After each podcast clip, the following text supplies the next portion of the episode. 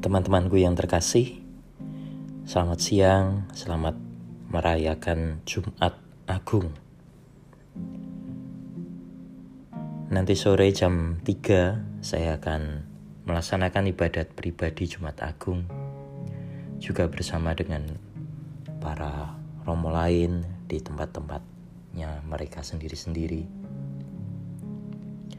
dan mengajak Anda semua untuk ikut berdoa bersama kami di dalam keheningan di rumah Anda masing-masing.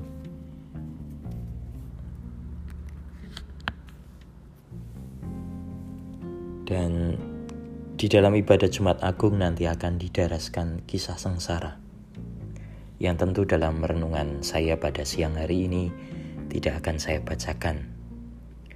Saya akan langsung mengajak saudari-saudara teman-temanku semuanya untuk merenungkan makna dari perayaan Jumat Agung. Mencinta sampai terluka.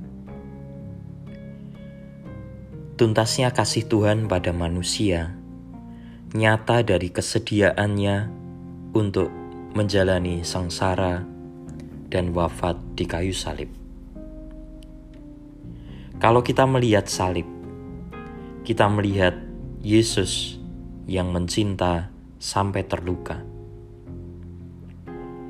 Bukan demi dirinya sendiri, namun demi keselamatan kita.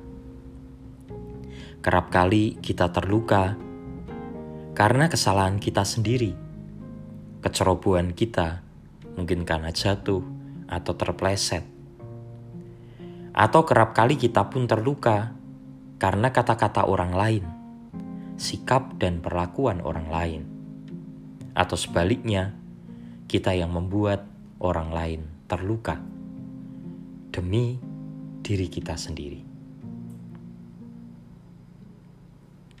Tetapi luka Yesus jelas bukan tentang dirinya sendiri. Ia melakukan itu demi keselamatan kita. Ia berkorban demi cintanya kepada manusia. Ia melaksanakan kehendak Bapaknya, bukan kehendak dirinya sendiri. Teman-temanku, salib-salib kecil yang kita pikul, karena kerelaan kita berkorban demi tugas panggilan yang kita cintai, akan diperkuat ketika kita memandang salib Kristus.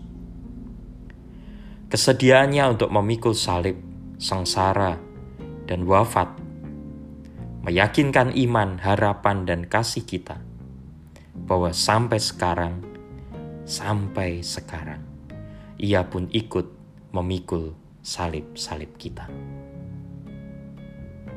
Selamat merayakan ibadat Jumat Agung. Ibadat loh, bukan misa. Hari ini tidak ada misa. Ibadat Jumat Agung.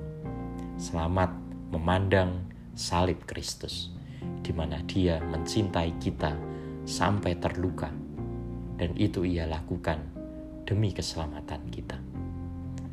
Percayalah, kita akan dikuatkan karena ia memikul pula salib-salib kecil kita di dalam hidup kita setiap hari. Salam berhenti sejenak, Tuhan memberkati.